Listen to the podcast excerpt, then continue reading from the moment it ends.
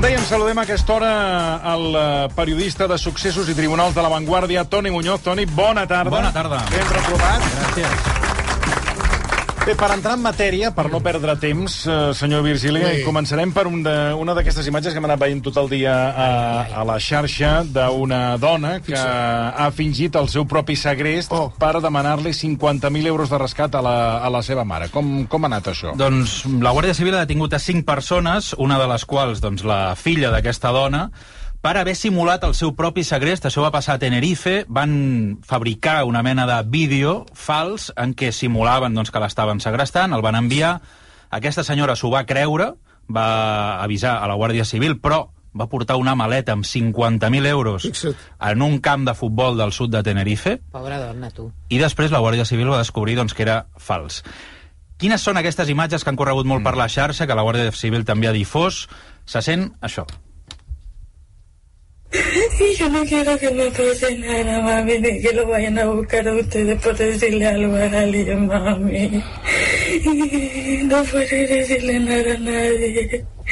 Tienes que dejar los 50 mil euros y impuso nada más en el campo de fútbol en una piedra. Aquesta senyora eh, se la veu amb, amb els ulls embenats, amb un ganivet davant del coll, Jesús. que l'amenaça com... Bueno, eh, et tallarem el coll. Sí, sí. Jesús. I després té aquí com un filet, al costat de la boca, un filet de- de- de- d'una- d'un líquid vermell, no?, que a ulls de tothom sang, sembla sang. sang, Sang, sang. però que no era sang. No sabem si era ketchup, no sabem si era salsa de tomàquet o si era o si era sang d'aquesta que No, compren... no, doncs, a- era sang. Jo he vist sang. Eh, T'ha semblat sang, eh? Sang, Sí. sang. En qualsevol cas, eh, va enviar aquest vídeo, tothom s'ho va creure, la Guàrdia Civil Home, també va, home. va preparar un dispositiu especial doncs, per intentar investigar el segrest d'aquesta dona, quan van descobrir que els van trobar en una sala de jocs recreatius gastant-se els diners d'aquest suposat segrest. Pues claro. Segons publica avui la Sílvia Fernández a, a La Vanguardia, la corresponsal de La Vanguardia a, a les Canàries, es veu que aquesta senyora l'havien segrestat tres cops abans. Fixa't. Tres cops. I havia... I, i, I les tres Ah, vegades havia aconseguit, havia el, el aconseguit rescat. els diners... I la mare no sospitava? És que, a veure... mm, Que et secrestin tres cops. Home, no és molt No, habitual, però eh? això- Això, sí que és síndrome d'Estocolm, però fort, eh? Tres cops, eh, Però això tres passa, cops eh? segrestada. Això passa, aquell home que li van caure sis o set llamps al damunt, va, va, va de sis, sis, cops segrestada? O sigui, ja era tres cops Tres, segrestada. Sí, sí, de fet, ara en aquest últim segrest va pagar 50.000 euros, però és que en els altres anteriors, sumats, eren 45.000 euros. Fixa't. És a dir, aquesta filla li havia estafat a la mare 95.000 euros en, en quatre segrestos falsos. Però amb qui jugava? Però la mare, perdona, la mare no... no... A veure, que un dia... A veure, és que, a veure No, si ens situem. O sigui, Un dia un dia trobes, hosti, un secrets, tal, pagues perquè el primer de tot, evidentment, és els teus fills. Segon secrets, ja dius... Bueno, ja tornes pas a la policia i dius, home, ja és la segona vegada. Clar, ter tercer I secret... els arriba a pagar, o sigui... no, Sí, Tercer segrest ja, ja dius, bueno, tres, i més, dius, quin interès tenen en la meva filla? Porque saben que tengo dinero en casa y vienen a por mí. Jo, Si hay gente que le toca la lotería tres veces, pues no te pueden I secuestrar tres i veces. tant. pues no, pues, No. no poden segrestar No passa. tres vegades. Per Però amb aquí, qui- aquesta era la tercera o la quarta? Aquesta era la quarta. O sigui, anàvem a la quarta, Anàvem a al la quart quarta. segrest. Sí, sí, t'havien segrestat tres vegades i aquesta era, aquesta era la quarta. I amb qui jugava? Ella... amb el seu marit. Jugava amb el seu marit i els altres de... de... És a dir, aquí al final la investigació Sí. sí. van posar el focus sobretot en la parella d'ella, Ah, és que en el quart, seu marit. quatre segrestos... I de fet les cinc persones detingudes són la filla, el marit de la filla i familiars del marit de la filla, que tots estaven Que tots consorciats. la mà... eh, Que feien I tots- el muntatge del segrest. Del segrest, I anaven sí, sí. extorsionant, bueno, anaven, sí, mai millor dit extorsionant a la, a la mare, A la mare, a perquè la sogra, pagués. perquè anés posant, el, anés posant els calés. Sí, sí. Bueno, doncs aquest és un primer cas que avui, en fi, que la xarxa s'ha fet viral perquè, clar, eh, s'ha publicat el vídeo que ella va enviar i és aquest document que acabem d'escoltar. Ara, el, el Toni Muñoz ens vol eh, explicar un cas molt poc conegut, jo diria que gens conegut, però molt sorprenent. L'hem de situar el 27 de setembre eh, Que és quan, quan començarà aquest judici. Exacte, que és eh, res d'aquí... Està... Parell de tres- Sí, setmanes. parell de setmanes. Començaran a jutjar una dona que es diu Alba, acusada d'assassinar, eh, concretament acusada d'assassinat per inducció d'incendi eh, per inducció d'incendi i per estafa. S'enfronta a 34 anys de presó per haver convençut un noi de Vilanova i la Geltrú perquè matés el seu pare. Jesús. A veure, tot aquest, anem, anem al fil de la... A Catalunya? Del, sí, a Catalunya, Vilanova. Uh, el fil de la... A mi aquest incendi em sona. Sí, això és un incendi que es va declarar el 8 de juny de l'any 2019 eh, en, un, en, A en un Vilanova. pis, a Vilanova i la, Sí. la Geltrú. De fet, el- els bombers van fins, fins i tot van fer un tuit dient hi ha hagut un incendi, Sí. ja està extingit, i aquí és on ens vam quedar tots els periodistes. Hi ha hagut un incendi en el qual ha hi ha aparegut una persona morta. A vegades doncs, passa que en el marc d'un incendi doncs, apareixen persones mortes. En aquell moment tots vam pensar doncs, que aquesta persona morta havia mort com a conseqüència, diguéssim, de, de l'incendi, de les flames per I, I recordo que aquest incendi va ser virulent.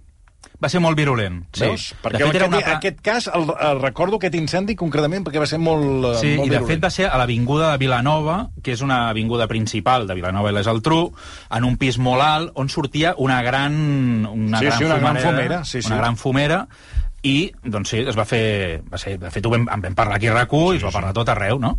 El que no se sabia és que és el que amagava aquest cas. Aquí hi havia el, el cadàver d'aquest home, que tots pensàvem que era per inhalació de fum, en el marc d'aquest incendi, però un cop van anar els bombers, ràpidament van avisar els Mossos d'Esquadra perquè van veure que aquell cadàver presentava signes de violència. De fet, Fixa't. presentava diverses ganivetades Fixa't. al coll i al tòrax. Però no estava cremat.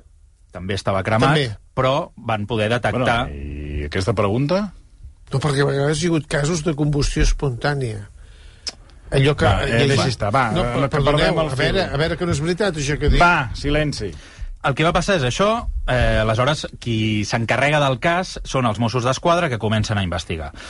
Aquella mateixa tarda, l'incendi va ser el matí, cap al migdia, 12, 1 del, del, del migdia, quan a la tarda els Mossos d'Esquadra comencen a, a interrogar tots els testimonis, veïns, a veure si coneixien a la víctima, si sabien què és el que podia haver passat, quan de cop i volta apareix, mentre estan interrogant els, aquests testimonis, apareix el fill de la víctima, amb unes ferides a les mans Jesús. i confessa el crim.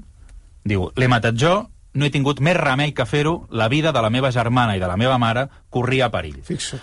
En un primer moment, els Mossos d'Esquadra doncs, passen a detenir aquest, aquest jove, que aleshores doncs, tenia, tenia 18 anys, eh, perdona, tenia 20 anys, i eh, el detenen com a presumpte autor de la mort del seu pare.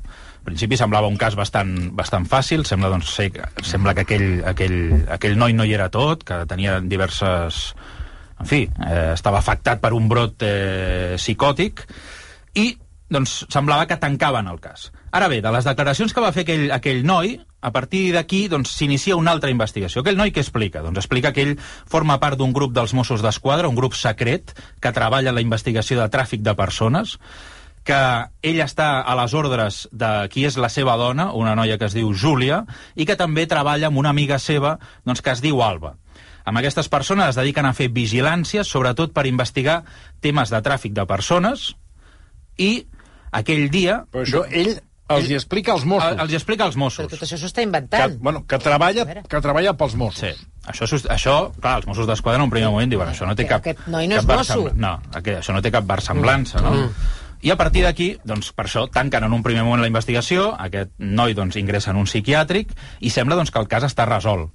Però a partir de les manifestacions que fa aquest noi, sí que comencen a investigar, de dir, a veure si és veritat el que ha dit aquest, aquest noi. És a dir, ell parla molt d'una tal Júlia i d'una tal Alba, que són qui li diuen que havia de matar el seu pare. Per què? Doncs perquè el seu pare, suposadament, o segons deia ell, formava part d'una màfia de tràfic de persones i estava posant en risc eh, a la seva mare i a la seva germana. Clar, aquesta, aquesta història sembla... Eh, no té cap sentit. Sí, no? irreal. Era irreal completament, no? Però els Mossos d'Esquadra descobreixen que existeixen molts missatges i moltes comunicacions d'aquest noi, que es diu Ismael, amb aquesta suposada Júlia i amb aquesta suposada Alba. I a partir d'aquí veuen que aquesta fantasia que sembla que s'inventa, en el fons ell la va, la va posar en pràctica. Aleshores, És a dir, ell es va, es va creure que estava en una missió de secreta dels secreta Mossos. dels Mossos d'Esquadra. Ah, ah, que se la va creure perquè la van, condi el van condicionar aquestes dues dones. Efectivament. Aleshores, tot s'ha de tirar una mica enrere. Recordem, eh? el crim és el 8 de juny de l'any 2019 i quan comença, diguéssim, a crear-se o a generar-se aquest pla criminal que parla la Fiscalia o que parlen els Mossos, és la primavera del 2018. És a dir, uns mesos abans, gairebé un any abans. Que és, L'Ismael és aquest noi que té 20 anys, que té segons el descriuen, un caràcter introvertit, una baixa autoestima i una persona, diguéssim, amb moltes dificultats i carències eh, sentimentals. Ell sembla doncs, que no té gaire èxit amb les noies i té, diguéssim, aquesta, aquesta carència emocional. I de tot això, segons explica el relat de la Fiscalia i dels Mossos, se n'aprofita una que és una, una noia, que és l'Alba, que té 18 anys, que és la seva millor amiga, i que aleshores el que comença a fer és apartar-lo del seu grup d'amics, se l'acaba, diguéssim, apropiant, i només l'Ismael aleshores només surt amb ella, i és qui comença, diguéssim, a fer-li veure que ella treballa pels Mossos d'Esquadra i que si vol, doncs pot, per, ell pot participar, pot incloure's també, integrar-se en aquest grup d'investigació de tràfic de persones dels Mossos, però a canvi haurà de fer uns cursos pels quals haurà de pagar. Ah, el que volien era diners. El que volien era diners. I a partir d'aquí, aquesta, suposadament, I, aquesta alba comença a cobrar-li a l'Ismael per una sèrie de cursos per a fer aquestes vigilàncies dels Mossos d'Esquadra. Al llarg d'aquests mesos, dèiem, entre la Això- primavera això del l'Alba. 2000... Això l'Alba. Però un moment, ell fa els cursos o, o els cursos aquests són inexistents? Dir, inex- ell, ell fa vigilàncies, i se'n va amb la seva amiga i fan vigilàncies. I, de fet... I allò ja forma part del curs. Exacte. Allò ja són les Ja si pràctiques. pràctica pràctiques, del són pràctiques Exacte, pagades. Exacte. Són vigilàncies irreals. I ella però, li clar, demana a ell els diners per poder pagar aquests cursos. No, no directament. Ell el que fa és diu, mira, ingressa-ho en aquest número de compte que és dels Mossos d'Esquadra i d'aquesta manera ja pagues els cursos. Val? S'ha de dir que aquí, clar, l'Ismael és una persona en un primer moment molt innocent. Després acabarà, acabarà desenvolupant una, una esquizofrènia, eh? també ho deixem clar. Però en un primer moment, ell sembla que és conscient d'això i s'ho creu.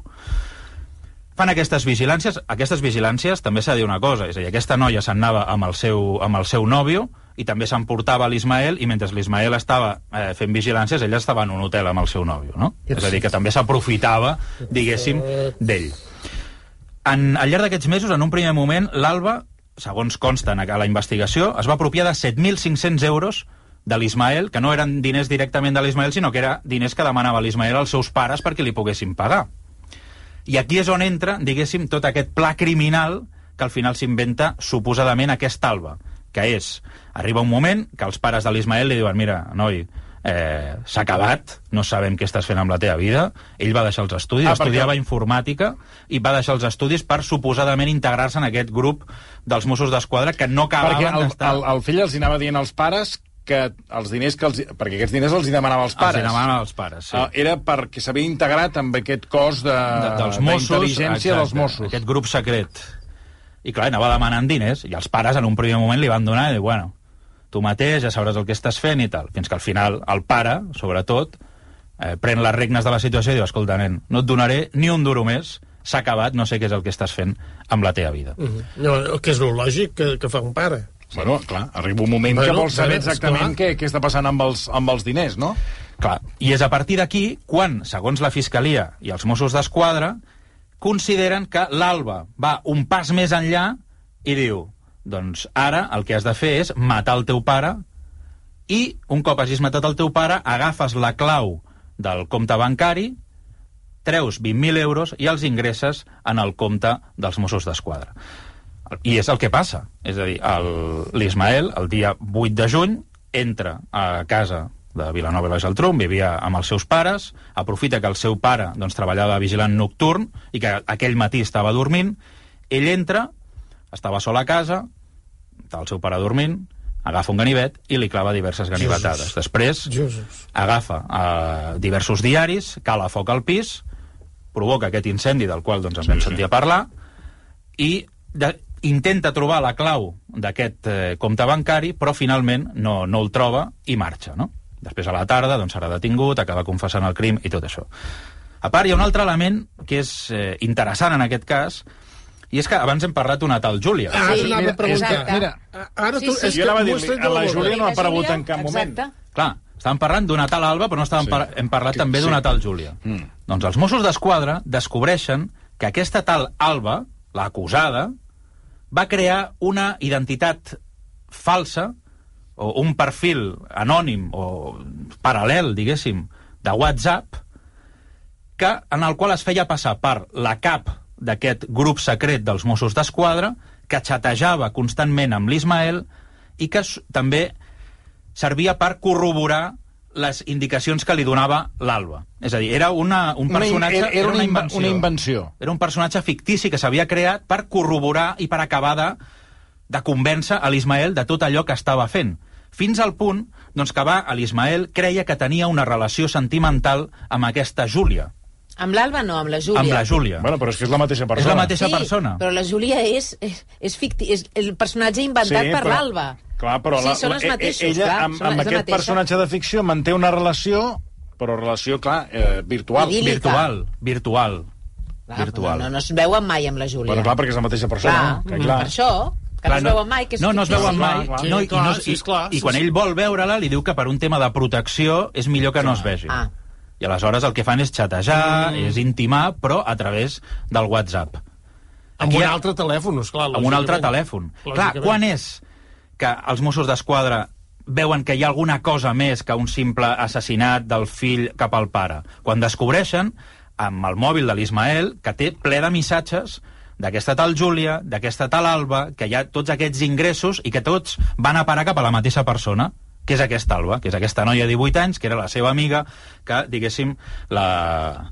En fi, doncs la, el, el manipula per acabar emportant-se i embutxacant-se aquests, aquests diners. Clar, I, noi I els dos estan a presó? O, a dia, eh, o sigui, aquest judici com es presenta? Doncs es presenta, serà davant d'un jurat popular, per tant seran nou ciutadans que hauran de, de decidir si realment l'Alba va induir, va provocar, va convèncer a l'Ismael perquè matés el seu pare, i després l'Ismael també s'asseu al banc dels acusats, però en aquest cas, malgrat que l'acusen, no és una acusació que després tingui una traslació penal. Això què vol dir?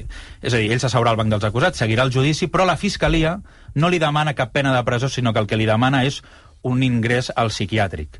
Perquè, com explicàvem abans, segons expliquen, ell va desenvolupar al final, després de tot aquest eh, show que li munten al seu voltant, doncs una esquizofrènia paranoide. I consideren doncs, que ell no era conscient del que feia quan va matar el seu pare. Per tant, el consideren que té un eximent completa i que, per tant, no ha de pagar per allò que va fer perquè no era conscient del que feia. Però, en canvi, l'Alba sí. A l'Alba li demanen 34 anys de presó per inducció a l'assassinat, que això serà a nivell a nivell penal serà molt interessant de- de- d'estudiar, de, de veure com es pot demostrar que algú t'ha induït a fer alguna cosa.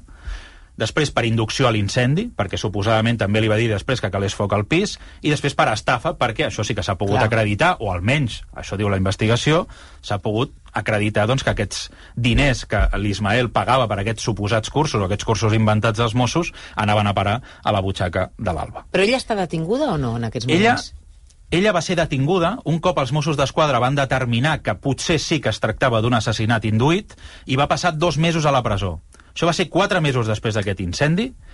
Detenen a l'Alba i passa dos mesos a la presó. En, en el cas de l'Ismael també va estar a la presó, és a dir, ell primer ingressa en un psiquiàtric, passa un mes i un cop es considera que ja s'ha recuperat, l'envien a la presó. Ell passa també un cert temps a la presó i ara fa uns mesos que va, va sortir, està en tractament i de tant en tant doncs, eh, té hora amb el metge perquè li faci la revisió i, i tot això. Però el pròxim 27 de setembre doncs, s'asseuran al banc dels acusats en aquest cas, com diem, tan Dius, dius, que, dius que aquesta persona, l'Alba, la pots trobar al YouTube?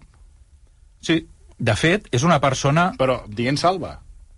Sí, sí, i amb el seu cognom, que no direm, perquè, en fi, crec que hem de, de moment... I què fa al YouTube? Doncs ella ara mateix forma part, diguéssim, de Herbalife, que és d'aquesta Sí. cadena doncs, que es dediquen a vendre productes de dietètica i tal, i a convèncer i a vendre i tal, doncs ella sobretot el que fa és, és molt activa a l'Instagram penjant vídeos d'aquest tipus, i després al YouTube també va intentar, jo crec, ser youtuber, no? és a dir, penjar vídeos... Influencer. Influencer, penjar la seva història, però s'ha de dir que de moment no ho ha aconseguit, només ha penjat dos vídeos, però un cop ja sabia que li demanaven 34 anys de presó, eh? El que no entenc és per què la deixen en llibertat, eh? Perquè tu has dit que va estar a la presó. L'audiència de Barcelona va considerar que no hi havia prous indicis per mantenir-la engarjolada, que no era prou forta l'acusació, malgrat que Però diem... tenen tots els missatges Sí, sí. del mòbil d'ell. Sí, sí. I això no, no són prous indicis. L'audiència va considerar que no era prous indicis per determinar eh, això. Però, ja veurem, eh? Això no és un... No, en aquest cas no es prejutja, sinó... El jutge no és el Toni Muñoz, eh? No, no. Això, això va determinar l'Audiència Nacional. No. l'Audiència de Barcelona. Doncs bueno, des que podemos- està en llibertat, Sí, fa de fent- youtuber. fa de youtuber i, per exemple, Ah, grava missatges com aquest. Bienvenidos y bienvenidas a mi canal. Yo soy Alba, soy de un pueblecito de Barcelona. Algunos ya me conoceréis porque hace un tiempo atrás volví a abrir este canal con el objetivo de enseñaros pues mi día a día para que me conocierais un poquito más. Eh, además de ayudar a las personas a mejorar aspectos de su salud y económicos, también creo contenido en redes sociales. I després, per exemple, tenim un altre... Perdoneu, soc el Gemma Mainat. Mm. Um, a mi em recorda l'Àngel Dorbolski. No sé per què té, té, té un aire, no sé, m'entens? Mm. no us ho recorda? Ara si poseu algun fragment No més? sé, no sé, però clar, m'he quedat Us hi- una mica sorprès. us Sí, hi sí, que aquí està com si no hagués trencat un Res, pla. res, res, res, I, de si fet, res. ell, ell ja té, té un vídeo on explica la seva història. És a dir, on va néixer, Però quan era però- petita, però però, la clar, això, no, no. això, aquest, aquest, Ah. aquest any o aquest parell d'anys... Això no. Això no ho explica. Això no ho explica. Però explica, per exemple, que va tenir problemes amb els estudis i coses així. Cuando se me vuelven a cruzar los cables, digo voy a estudiar porque, no sé, quiero pues tener mi título y como ser alguien. Entonces vuelvo otra vez a un ciclo formativo de grado medio, pero esta vez administración judicial. Ya os podéis imaginar, mm, si actividades comerciales y la ESO me costó, cuando yo llegué al curso el primer día y vi que me tenía que aprender leyes y historias, pensé, madre del amor hermoso. ¿Y qué pasó? Que abandoné. Bueno, doncs Bon aquesta, normal. aquesta és l'Alba. Ella cas pròxim... l'han de jutjar encara, és a dir, que Clar, hem de parlar tot de Mm. presumpte... Tot és i... presumpte i, i ja està, ja es veurà. És a dir, ja et dic que aquest eh, judici serà interessant, serà davant d'un jurat popular, comença el pròxim 27 de setembre, acabarà el 17 d'octubre, per tant seran moltes setmanes de judici, perquè clar, és una noia ara mateix de 22 anys que s'enfronta a 34 anys de presó, sobretot per un crim en el qual es considera que no s'ha tacat les mans, però que sí que ha induït a fer-lo. Per tant. tant, serà interessant de veure si realment la Fiscalia pot provar això, té prous indicis i prou... Perquè, clar, aquí hi ha una cosa que, que no he explicat, però és que, segons explica l'Ismael, abans de cometre el crim, ell truca a l'Alba i li diu, què he de fer ara? Ho faig? I, i la noia li diu, sí, sí, mata'l. Això hem de veure si aquesta trucada hi és, no Clar. hi és, si es pot demostrar o no es pot demostrar. Ella, òbviament, el que dirà és que això va ser... és a dir, pot ser que juguessin a fer vigilàncies, però que realment ella no va demanar mai acabar amb la vida del seu pare i que, per tant, tot era doncs, que simplement l'Ismael no, està, no, no es trobava en un estat òptim de, de salut mental i, i el tema de les estafes jo crec que és ara mateix Però- una de les coses que sí que... Aquestes trucades no queden totes enregistrades? Sí, sí. El que crec que aquesta perquè després una de les coses que li va demanar aquesta Alba és que esborrés tots els missatges i que, res, que fes un reset de, de tot Del el mòbil, telèfon. clar, bueno, per tant, veurem si les han pogut recuperar o no. En qualsevol cas, com que aquí tampoc no volem prejutjar ningú, No, no, és a dir, no, hem explicat clar. una acusació Sí, sí, que hi ha, sí. hem trucat a l'advocat de l'Alba, que és l'Eloi Castellarnau, i li hem preguntat eh, com es defensarà l'Alba i què és el que diu ella i com afronta aquest, aquest procés. Ella sempre ha defensat que no va induir a l'altre acusat en cap moment per cometre l'assassinat i en tot cas sí que és veritat doncs, que bueno, hi ha una sèrie de, de qüestions una suposada parella falsa temes d'alguna millor transferències bancàries qüestions de que, que li haurem de donar la, les explicacions oportunes en el tribunal i contextualitzar-ho i sobretot que s'entengui bé quina és la naturalesa o el per què de coses que a ulls de, de les persones profanes en la, en la matèria podrien semblar estranyes o, o difícils de- d'entendre. Clar, aquí sobretot s'està referint a, a, al cobrament de- d'aquests diners per part de, de l'Ismael o de la família de, de l'Ismael. Això sí que hi ha constància. Això hi ha constància, però, segons diu el seu advocat, el que intentaran és donar-li context, una explicació que a ulls de tothom pot semblar estrany i pot semblar delictiu, però que per ells no, no ho és. I aleshores això, al final... Bueno, és, forma la, fe, la, la és feina de l'advocat, no? La feina de la, de la defensa. El judici comença el 27 de setembre, no? Efectivament, vis- 27 de setembre fins al 17 d'octubre seran moltes sessions, llargues setmanes, en què serà interessant doncs, de, de seguir i, i vaja, jo crec que el, el, el podem seguir, anar seguint home, aquí tant, el, home, el versió. i tant, i tant. Escolta, abans de que marxis, deixa'm treure't el, el suc, eh, perquè avui està notícia la detenció d'un jihadista, Mm. eh, però que està, eh, la, la, ha ingressat en el centre d'internament d'estrangers, pendent Sí. d'un procediment d'expulsió, que és que no el jutjaran aquí, o què passa aquí? No, de fet, eh, a vegades es fa que quan hi han procedi per la via administrativa, quan consideren que són delictes inferiors als 6 anys de presó, se'ls hi pot obrir per la via administrativa un procés d'expulsió sempre en casos en què es consideri que s'ha posat en risc la seguretat nacional. Aleshores, en aquest cas, es considera que s'ha posat en risc la seguretat nacional, la Fiscalia va sol·licitar, va dir, eh, expulsem aquesta persona, el retornem al seu país d'origen, eh, el jutge ho va considerar eh, idoni i això és el que ara mateix s'està en, en procés de fer. Ara es troba al centre d'internament d'estrangers eh, previ pas a la seva expulsió. Recordem, doncs, aquesta persona va ser detinguda divendres passat. Aquest cas comença perquè els Mossos d'Esquadra troben una granada de mà de la, de la Guerra Civil en un immoble d'Empúria Brava. Aquell pis estava ocupat, però de, determinen que aquella granada l'ha comprat un dels integrants un dels ocupes, diguéssim, d'aquell immoble. I no només això, sinó que descobreixen que també ha comprat diversos ganivets i una arma de foc simulada. Aleshores posen el focus sobre aquesta persona i se n'adonen, per exemple, que aquest home hauria canviat la seva actitud en els últims temps, que tenia un aspecte molt més agressiu i que feia manifestacions a favor d'organitzacions jihadistes i, segons han comunicat doncs, avui els Mossos d'Esquadra a través d'una nota de premsa, tenia la intenció de cometre una acció violenta a Catalunya abans de marxar a països de conflicte. Això és eh, el que han explicat, l'han detingut per això, o divendres passat el van detenir, i ara doncs, està pendent d'una expulsió. Eh, com, com, com trobes una granada de la Guerra Civil? Jo suposo, eh, això ho hem preguntat i no ens han sabut Perquè, respondre. clar, o sigui, una granada de la A Guerra Civil, això és del... a l'internet, so que hi ha... Bueno, deu tot- ser l'internet aquest, el fosc, el... Sí, la el Deep Web, Deep la Deep Web. Web. Com? Deep Web. Ah, doncs aquest, aquest, aquest és el que trobes tot, allà sí, que Sí, trobes de de tot, tot, de que tot. trobes de tot, potser, perquè hi ha una granada de la Guerra Civil, O el Wallapop, a vegades. Wallapop, una granada de la Guerra bueno, Civil, Posa-ho, a veure si, a veure si surt. No ho sé, eh, Ara ho- bueno, vés a saber, ara ho miraré, potser sí. ara ho potser Ara ho mirarem, una- però vaja. Bé, um, Toni Muñoz, moltíssimes gràcies. A vosaltres. Estarem pendents d'aquest i d'altres i d'altres històries que, evidentment, es aniran, uh, aniran reproduint durant uh, tot aquest curs. Repeteixo, moltes gràcies per acompanyar-nos. A vosaltres. 5 minuts passen de dos quarts de 6 de la tarda. Uh, tenim una recomanació per tots aquells que us agrada llegir i, a més, en català.